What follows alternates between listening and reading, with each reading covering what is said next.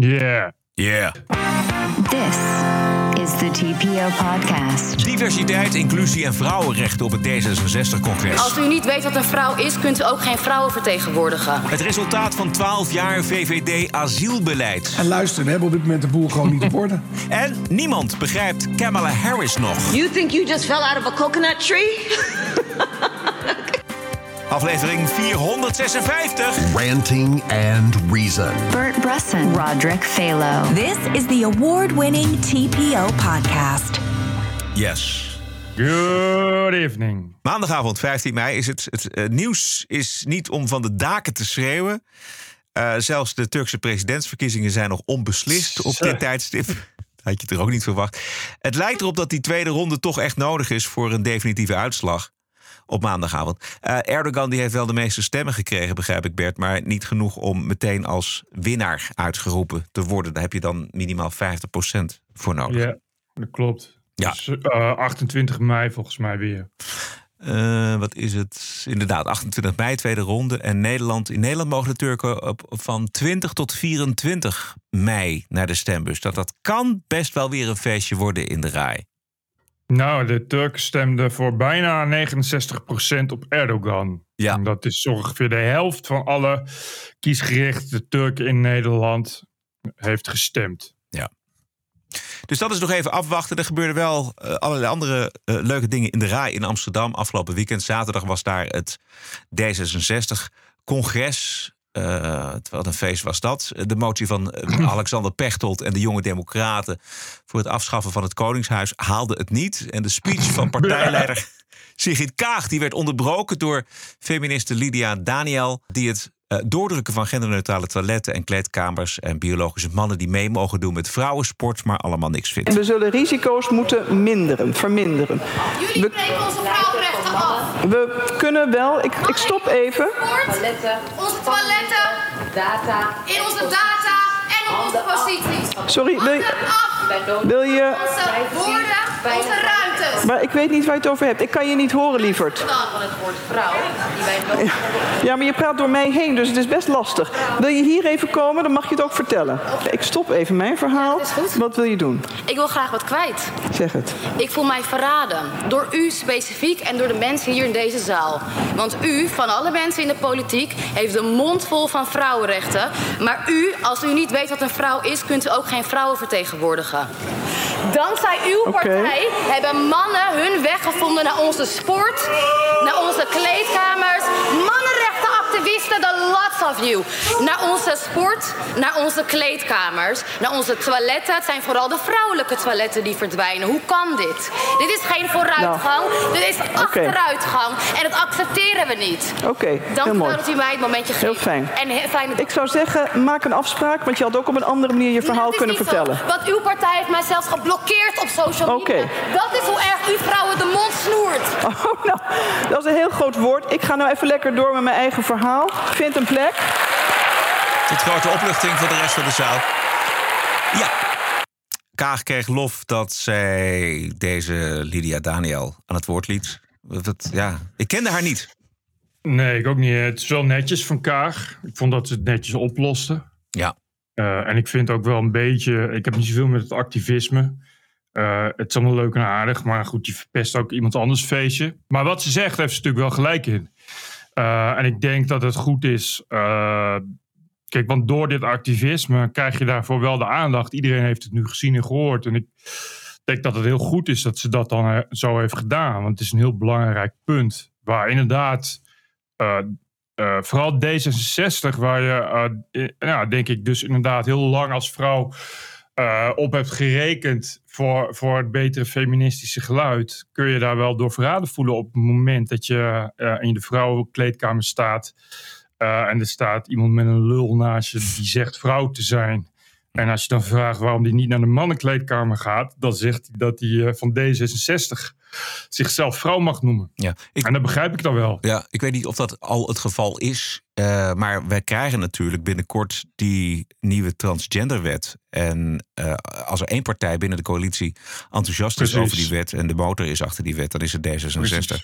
En ik ben het eh, helemaal met je eens, Bert, dat, dat, dat dit de manier is om dat op de agenda te krijgen. Als straks die wet erdoor komt met zelfidentificatie als, als basis, ja, dan heb, krijg je dus inderdaad mannen die zeggen zich te identificeren als vrouwen en zich een plek verwerven uh, in de vrouwensport, in de, in de vrouwenkleedkamer en op de vrouwenwc's.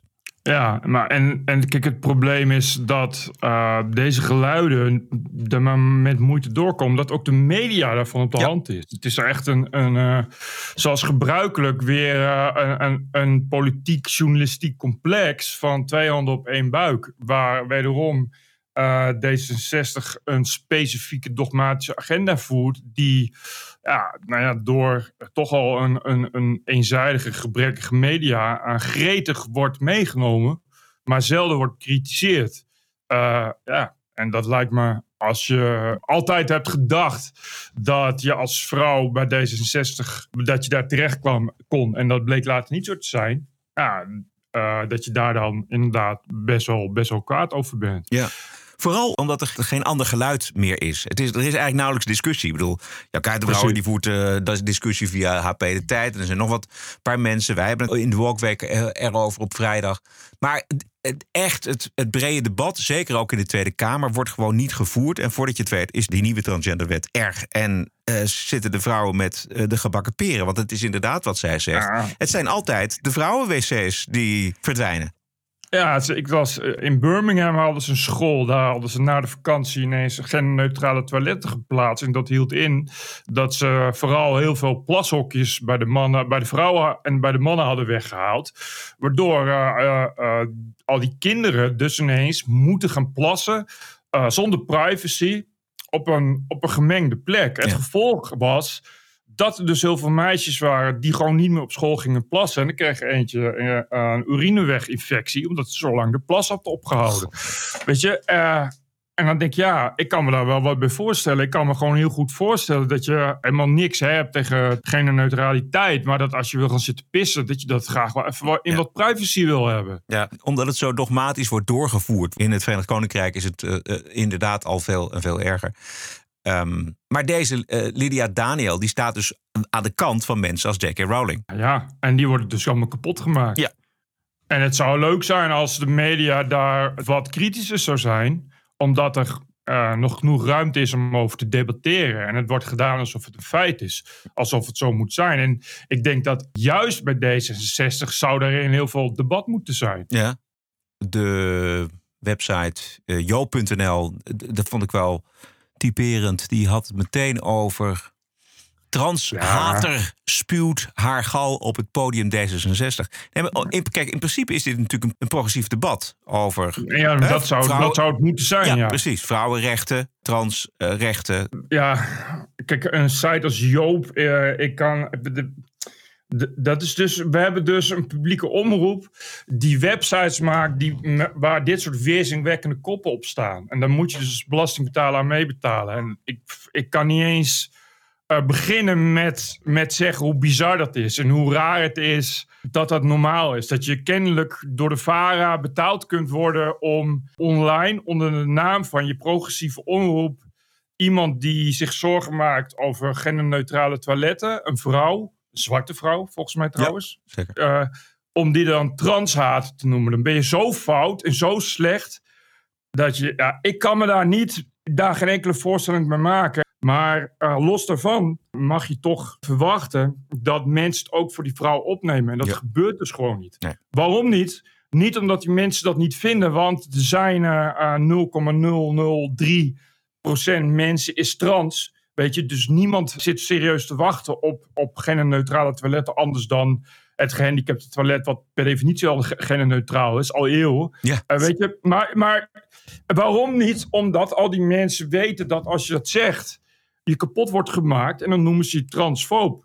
Weet je, zoals je ook islamofoob wordt genoemd als je iets vindt van de islam. En ja. je kan mensen niet kwalijk nemen dat te doen. Maar dat serieuze media dat ook niet doen, maar daarentegen daaraan meedoen door regelmatig pro-islamitische of pro-trans onzin op de agenda te zetten. En ik kijk naar jullie, NOS en RTL Nieuws en AD. Dat is wel heel kwalijk. En als je dat dan doet, is prima. Maar dan moet je ook proberen daar eens kritische vragen bij te stellen. En dat gebeurt niet. Waardoor iedereen met één blind oog nog kan zien dat dat geen zuivere journalistiek is, maar een agenda die wordt gevoerd. En dat is gewoon heel, heel, heel, heel, heel erg slecht. Die speech van Kaag, die was vooral een oproep tot compromis. Daarmee leek zij voor te sorteren op een minder starre houding van D66 binnen het kabinet, bijvoorbeeld op het stikstofdossier en op het asielbeleid. Daar zouden we dus uh, ja, uh, eindelijk beleid kunnen gaan zien van het kabinet. En het zegt ook iets uh, hoe Kaag van plan is door te gaan met dit kabinet.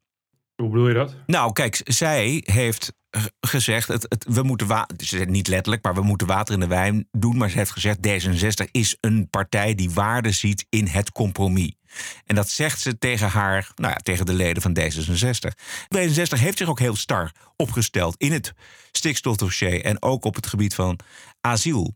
En wat ze eigenlijk, tenminste dat is een beetje mijn gedachte, wat ze doet is, ja, misschien moeten we uh, de komende tijd iets toegefelijker zijn aan de andere coalitiepartijen. En dat doen we ook uit eigen belang. Namelijk dat we het kabinet redden. En dan, want wij zitten liever in het kabinet dan dat we nu verkiezingen houden. Want kijk eens hoe slecht we ervoor staan bij, in de peilingen. En die slechte peilingen kan ook het gevolg zijn van het feit dat mensen vinden dat die partij D66, dat dat zulke drammers zijn. En dat ze veel minder souplesse hebben dan vroeger bijvoorbeeld. Nou ja, dat zou zo heel goed kunnen.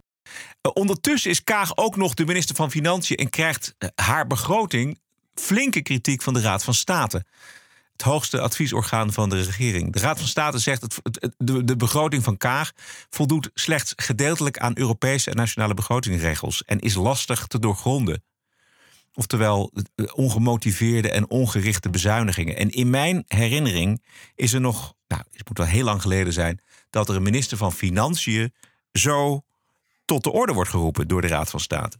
Ja, maar in mijn herinnering telde de Raad van State ook nog ergens in mee. Maar we weten sinds de dwangwet van Erik van den Burg. De Raad van State kan vinden wat ze willen, maar daar hebben ze gewoon scheid aan. Dus ik neem aan dat ook de bezuinigingen en de voorstellen van uh, Sigrid Kaag. daar kan de Raad van State van alles van vinden. Maar blijkbaar, en dat weten we dus sinds het doordrammen van de dwangwet weten we dat wat de Raad van State daarvan vindt eigenlijk niet zo heel erg de zaken doet. Ja, nou, dus, het, doet wel ja. ter zake, maar het, het heeft geen effect. En het, het, feit, dat, het feit dat de Raad van State uh, een onvoldoende uitdeelt. Trouwens, weet ik niet of dat echt een onvoldoende is, maar het, het zal een vijfje of een, of een zes minnetje zijn. Uh, dat zegt wel iets over de kwaliteit van die begroting. En over de kwaliteit van de minister van Financiën. Het kan ze gewoon al, al helemaal niet schelen. En dat is uh, in elk dossier tot nu toe van dit kabinet Groningen, uh, belastingtoeslagen, asiel.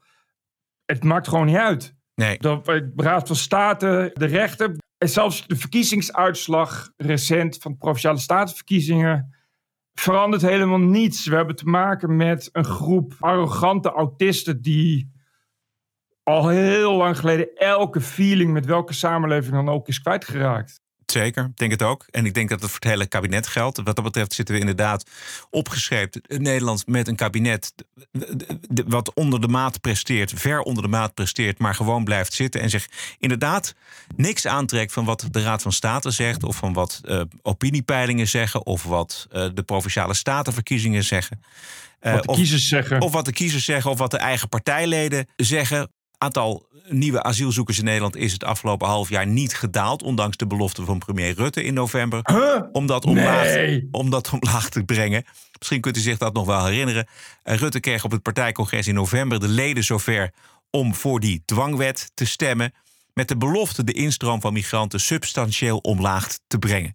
Nou, uit cijfers van het ministerie van Justitie en Veiligheid blijkt dat de instroom niet verschilt van dezelfde maanden vorig jaar. Ik moet het even verwerken een belofte van Rutte die niet uitkomt. Ja. Ik ben verbijsterd. Ja. Wat zielig voor Ruben Brekelmans. Want het was toch echt een belofte aan Ruben Brekelmans... om akkoord te gaan met de dwangwet. Ja. Dus ik ben benieuwd, Ruben Brekelmans zal morgen zijn VVD-lidmaatschap wel opzeggen, toch? Zondag zat staatssecretaris Van de Burg uh, weer met lege handen en onmachtig bij Rick Nieman in WNL op zondag. En een heel lang gesprek is als vocht kort samengevat. En luister, we hebben op dit moment de boel gewoon niet op orde. Hé, hey, wacht, ik heb een fragment van Ankie Broekers-Knol die hetzelfde zegt. Ik las in, in de National Review dat de Amerikaanse staat Texas uh, opnieuw een buslading illegale migranten heeft afgeleverd voor het Ja. huis van de Amerikaanse vicepresident Kamala Harris in Washington. Uit protest tegen het lakse immigratiebeleid van de regering eh, Biden. Volgens de Texaanse gouverneur Greg Abbott kan zijn staat de toestroom niet meer aan. Nou, misschien is dat een idee om mensen in Den Haag af te leveren. Nou, ik zag gisteren dat ze in Ter Apel eh, spandoeken hadden opgehangen. Uit protest tegen de overlast. Ik zou inderdaad zeggen. De eerstvolgende keer dat daar een stoet aan mensen komt, pak een bus en rij hem naar het huis van Erik van den Burg. En rij het naar het huis van Rutte. Als ik inwoner van Ter Apel was, zou ik dat ook zat zijn. Uh, dit blijft een onderwerp in de TPO-podcast. Even nog over die Kamala Harris. Eén uh, dingetje nog, want uh, volgens mij vorige week vroeg jij van... God, is dat dan niet een kandidaat ja. naast Biden... om eventueel de volgende president te worden? Maar steeds meer mensen vragen zich af wat die Kamala Harris eigenlijk precies doet. En ze houdt speeches die niemand echt begrijpt... en maakt dan grapjes waar eigenlijk alleen zij zelf om moet lachen. Everything is in context. My mother used to, she would give us a hard time sometimes, and she would say to us, I don't know what's wrong with you young people. You think you just fell out of a coconut tree? you exist in the context of all in which you live and what came before you. Dit is toch vreselijk? Een verhaal over de context, Oh, wow. niemand begrijpt dit. En dan een, een grap maken waar niemand ja, de humor van inziet. Ik krijg hier toch een enorme David Brent van die Office vibe bij, uh, hoe ik zeg. Hè. Ja, Uh, ja. uh, uh, misplaatste grap, of misplaatst met echt pijnlijke, dodelijke stilte. En dan je eigen grap gaan moeten uitleggen. Ja, vreselijk. vreselijk. Ah, nee, ja, ja, ja, ja. Nou ja, Biden is oud, dus die kan doodgaan. Maar dat is ook de enige manier waarop zij ook nog president wordt. Dus Ja. denk ik wel een beetje, ook echt, echt... Dat is wel een dingetje natuurlijk. Als, als mensen zeggen, je wil je vicepresident worden, denk je, jotten. Als vicepresident. Maar ja, tegelijkertijd is het ook een, een rangeerspoor waar je op wordt gezet natuurlijk. Ja, precies. In ieder geval om eventjes uit- te wachten. Maar als je je dus zo profileert, als je dus het land ingaat en denkt van ja, maar ik moet eventjes toch iets van me laten horen. En je maakt dan dit soort ja, niks zeggende speeches. Ik bedoel, dit- ze zijn, dit is er eentje. hè. Ik ben er vele tegengekomen. Het gaat nergens over en niemand begrijpt het echt. Dus ze slaat een playfiguur eigenlijk in, in de Verenigde Staten. En dat geeft weinig Ja. vertrouwen. Dan ben je wel weg. Ja. Dat is het punt. Als je vicepresident bent, dan moet je ervoor zorgen dat je de eerstvolgende verkiezingen daarna de next man bent. Uh, desnoods Ja. duw, je, eh, duw je de president voor de tram.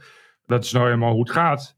Zo niet, dan hè, kun je daarna niks, kun je daarna niks meer. Dat is natuurlijk, natuurlijk- het is alles of niks bij vicepresidentschap. Ja.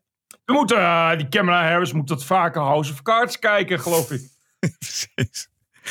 Goed. Bent u nou nog steeds geen lid van de Vrijdagshow? TPO Podcast. Zes jaar onafgebroken, twee keer per week een eigenzinnige kijk op het nieuws en de nieuwsmedia.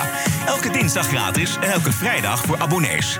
Mis niks, word lid abonnee en luister ook op vrijdag. Met elke vrijdag de legendarische Wokweek. You're an adult. Grow up. Deal with it. I don't care. Hou de TPO-podcast in de lucht. Keep the show running. Steun ons en word lid voor nog geen 4 euro per maand. Ga naar tpopodcast.nl. Melden! Thank you. Let's do it. De Oekraïense president Zelensky die is op bezoek in Londen bij zijn grote vriend Sunak.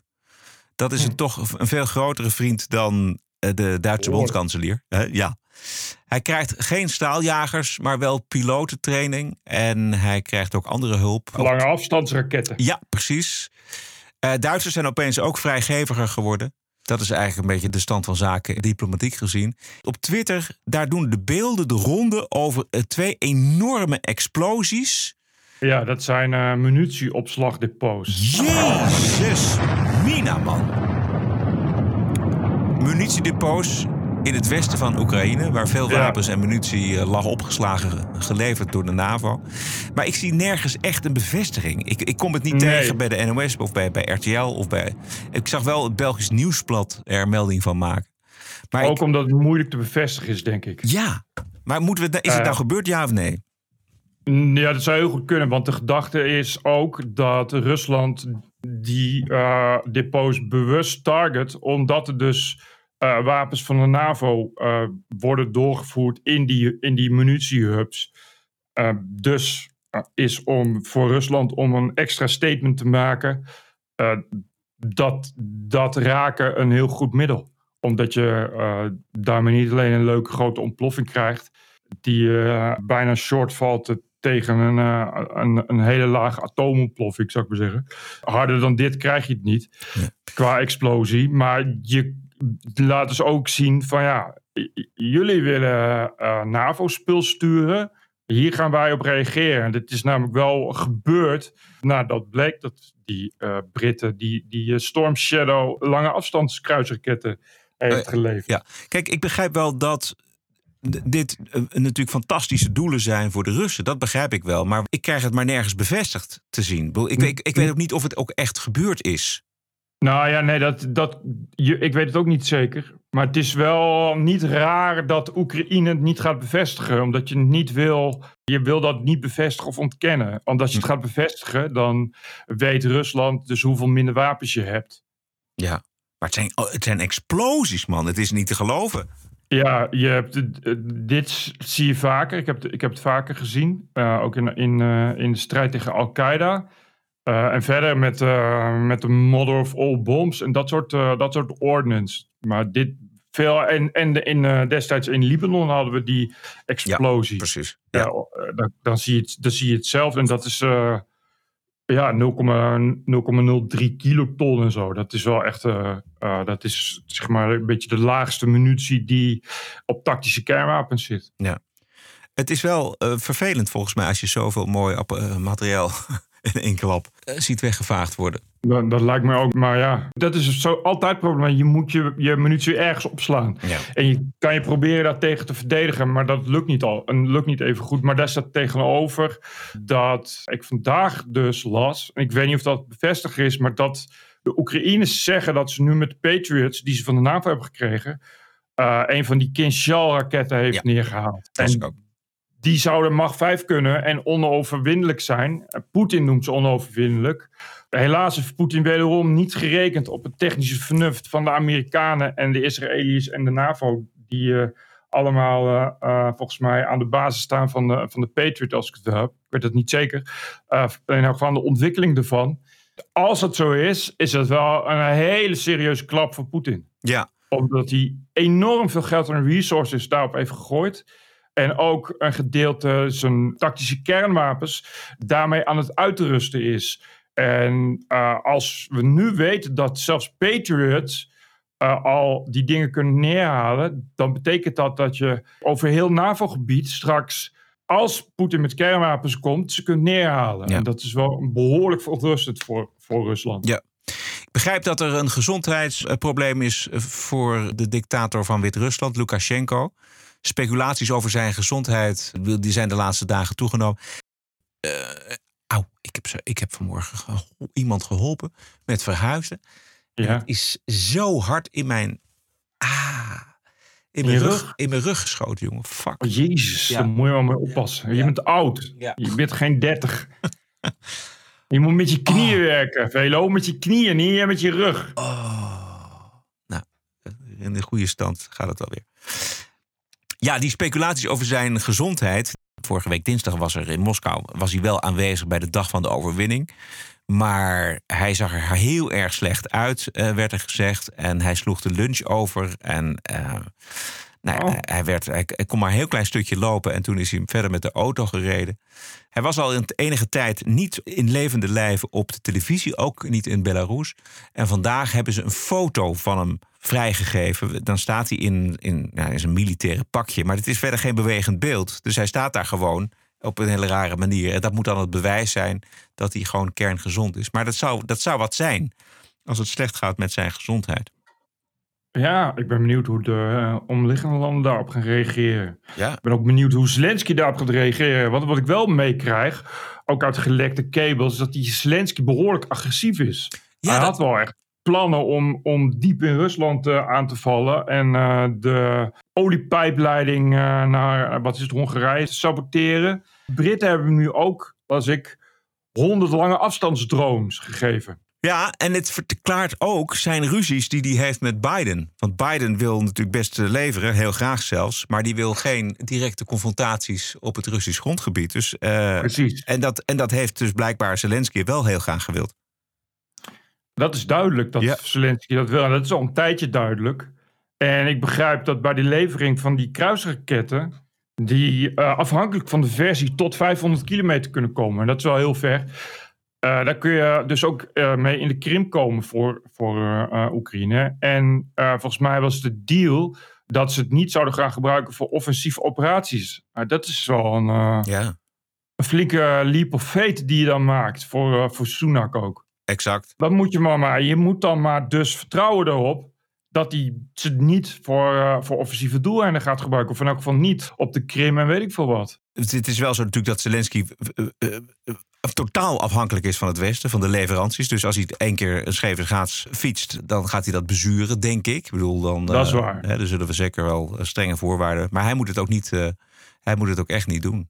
Maar inderdaad, het er stond zoiets van Zelensky is toch minder vredelievend dan je denkt. Maar ja, weet je, een, een, een presi- president in oorlogstijden. Natuurlijk is die niet vredelievend, denk ik dan. Nee, dat, dat vond ik ook. Maar ja, je zit wel inderdaad met, met de vraag... waar houdt verdedigen op en begint je eigen agressie? Ja, klopt. Ja. En dat is natuurlijk in deze situatie eh, eh, zeer gevoelig. Ja. Kijk, eh, ik weet niet. Kijk, dat, oh, ik- kijk, Rusland. Ik ben niet echt bang voor de atomaire kracht van Rusland. Dat zal hem wel meevallen. Maar Rusland kan natuurlijk wel heel veel schade doen. Door, hè, door dus inderdaad je, je, op de Noordzee dingen te slopen. En en, en we weten hoe ver de Russen eh, qua spionage zijn. En, en wie weet hoeveel cellen ze in, in dit soort landen hebben. Dus het kan allemaal vrij kut worden voor NAVO-landen. Ja. Ook zonder kernwapens. Precies. Eh, en ze houden alle kabels goed in de gaten en alle verbindingen. Dus dat is. Ja. ja dat moeten we ook. eh, En ja. ze hebben Baudet. ja. Oeh. Is er nog nieuws over Baudet? Want ik zag hem wel in Nee. de trending topics eh, staan. Maar, Ja, dat volg ik allemaal niet. nee. Ik, dat, ik word al moe als ik de trending topics zie. Dus ja. Twitter is wel echt eh, eh, in, in, in ongeveer een pak een beet een half jaar tijd veranderd in een beetje wat Facebook nu is. Wat nou niet echt een, een positieve prestatie is voor Musk. En wat bedoel je daarmee? Ja, dit, het was al een afvoerput, maar het is nu wel heel erg. Dit soort, dit soort complotdenkers. Is het hangt niet ontzettend af van wie je volgt? Want dat vind ik dan weer wel fijn aan het huidige Twitter. Dat je kan zien van er wordt. eh, Je kunt kiezen tussen enerzijds dat wat er voor je geselecteerd wordt via de eh, algoritmes. En anderzijds kun je gewoon kijken naar gewoon de, de mensen die je volgt. En dan heb je wel. Ja, ik, ik had het over trending topics. Oh, oké, ja, ja, precies. Ja, ja, nee, Puur, eh, ja. eh, Ja. Nee, er zitten natuurlijk ongetwijfeld mensen die wel leuk zijn om te volgen. Ja. Maar eh, Hey, en heb je iets te zeggen over die nieuwe CEO van eh, Twitter? Deze dame? echt, ik, ken haar, ik ken haar verder niet. Ik, Nee. ik heb wel uren hard gelachen toen bleek dat ze voorzitter is van de commissie van het, van het World Economic Forum. Ja. Wat toch denk ik, nou ik overdrijf niet, 98% van de Musk-fans zijn natuurlijk eh, zo complot dat ze alleen bij de woorden WEF al omvallen. Het zijn nu allemaal eh, ervan overtuigd dat eh, eh, Klaus Schwab en George Soros via deze mevrouw Twitter komen overnemen, wat echt om te gieren is, zo grappig. Ja. Ik wist niet, ik wist echt niet meer even waar ik het, waar ik het moest zoeken, zo grappig vond ik dat. En verder, wat ik denk dat Musk, dat hij iets veel groters voor, voor zich ziet dan alleen Twitter. Ja, Kijk, het is niet dat je kan zeggen dat Twitter nu fantastisch is, nou ook niet voor adverteerders, maar ik, wat ik ervan meekrijg is dat hij er ook eh, eh, mee wil kunnen betalen. En hij wil Oh ja. dus een soort, soort super-app wil hij ervan bouwen. En dat kon wel eens eh, een stuk interessanter zijn dan dat we nu zien. En ik zie heel erg dat de media dus gewoon Musk per definitie al haten. Ja. En nu bij alles zeggen, ja, maar Twitter is kut. Weet je, en Musk is kut. Terwijl ik denk van, volgens mij is die Musk eh, heel briljant. En heeft die visies die hij niet met jou gaat delen. Ja. En het kon wel eens zijn dat hij door dit soort mensen... Want deze vrouw komt van NBC Universal, zoiets. Dus, dus een vrouw die al heel lang iets hoogs doet in de mediasector. eh heeft hij dit soort mensen vertelt hij meer dan dat hij aan jou vertelt. Ja, zeker. En het, zou me, het zou me niks verbazen als eh, ook eh, met, met de komst van AI eh, en weet ik veel wat, Twitter straks echt weer een ding is waarvan je zegt, ah, dat weet je, net als, net als Tesla en net als een raketten shit. Het is groter dan dat je op het eerste gezicht zou zeggen, maar Ja. dat is wel iets wat tijd kost. Ja, zeker. Uiteindelijk houdt hij de, de, de, de, de touwtjes strak in handen. Maar dit is een eh, ongelooflijk ervaren tante uit New York... die eh, gepokt en gemazeld is in, En- deze, in deze business. Ik kan me niet voorstellen dat zo iemand eh, dit gaat doen puur en alleen op basis van wat Twitter nu is. Weet je, want dan, dan ah, als dat het is, heb je gewoon niet zoveel te verkopen. Maar ik denk dat hij veel meer heeft en dat die vrouw dat weet. Eh, en, en, en dat is meer dan alleen maar twitteren. Ja. Dus dat, dat wordt iets wat, wat veel groter is. Ja. Eh, en, en ja, ik ken Musk niet, maar goed, wat hij tot nu toe heeft gepresteerd, is natuurlijk wel eh, dicht bij geniaal. Ja, Doe het zelf, denk ik dan altijd als ik Ja. dat lees. Ja. Dat je denkt, van, van, bouw zelf een raket van een, van, van, van een miljard die kapot kan laten gaan omdat het maar één is uit, ve uit vele. Weet je, bedenk zelf een, een auto als Tesla, waar heel de wereld die meer heeft te besteden dan een gemiddeld eh modeljaarssalaris voor in de rij gaat liggen. Ja. Weet je, het is- ik kan me niet voorstellen dat hij zegt, ah, ik ga nu iedereen op Twitter laat ik vrij, want vrije mening en dan komen er wel weer eh, adverteerders. Dat- Volgens mij gaat hij iets heel anders ermee doen. Ja. Maar ja, dan moet je dat wel durven afwachten. En het is kennelijk heel moeilijk voor progressieve media om dat te doen en om niet te zeggen, ja, maar dit is Musk en Musk is kut. Dus Twitter is ook kut. Uh, de- Musk is vooral kut sinds hij natuurlijk Twitter heeft overgenomen... van eh, eh, de progressieve groegemeente daar Ja, in. Silicon Valley. Dat is, dat is het hele verhaal. Dat, eh, nou, dat vinden ze maar moeilijk te verteren. Dat is, De dat vooruitstrevenden. Ja. Maar ja, je kan toch niet zeggen dat die, dat die vrouw, dat is eh, een, een getinte vrouw. Ja. Van, bovendien van, van 60. Nou, ze is Dus Italiaans, ook- las ik. Ze heeft Italiaanse Oh. Ja. oké. Nou ja, maar toch. Ja. Ik bedoel, je kan niet zeggen dat dat niet inclusief genoeg is. Nee, precies. Zij heeft een interview afgenomen met Musk. En daar had Musk het best eh, ingewikkeld, moet ik zeggen. Eh, Ah. Ja, ja, nee. En dat heeft misschien haar, of hem ook, en dat pleit natuurlijk weer voor hem, heeft hij gedacht: hé, hey, dat is een goeie, die houdt mij scherp en eh, die kan ik er wel bij hebben. Dit Ja, was. ik ben heel erg benieuwd. Ja, hadden we nog wat? Eh, nee, dat was het wel, geloof ik, zo'n beetje. Ja. Het was maar één weekendje. Nou, Ja. Zoveel gebeurt er dan ook weer niet in Nee, weekend. Goed. Wij zijn er elke dinsdag en elke vrijdag online via je favoriete kanalen. Vergeet geen abonnement te nemen op de TPO Podcast. We zijn er namelijk ook op vrijdag. Nog geen 50 eurocent per aflevering. 4 euro per maand. Krijg je twee keer per week de TPO Podcast met in de vrijdagshow de one and only Woke Week. Hartelijk dank voor het ondersteunen. Ga naar tpopodcast.nl en ondersteun ons met zo'n abonnement op de vrijdag. Heel veel dank. Stay cool. En tot vrijdag!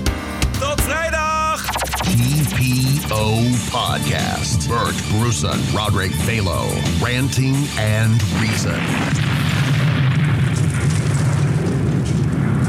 En luister, we hebben op dit moment de boel gewoon niet op orde. Podcasting is the TPO podcast in the Netherlands. Bert and Roderick. What a show. I'm telling you. Keep the show running. Go to tpo.nl slash podcast. Thank you.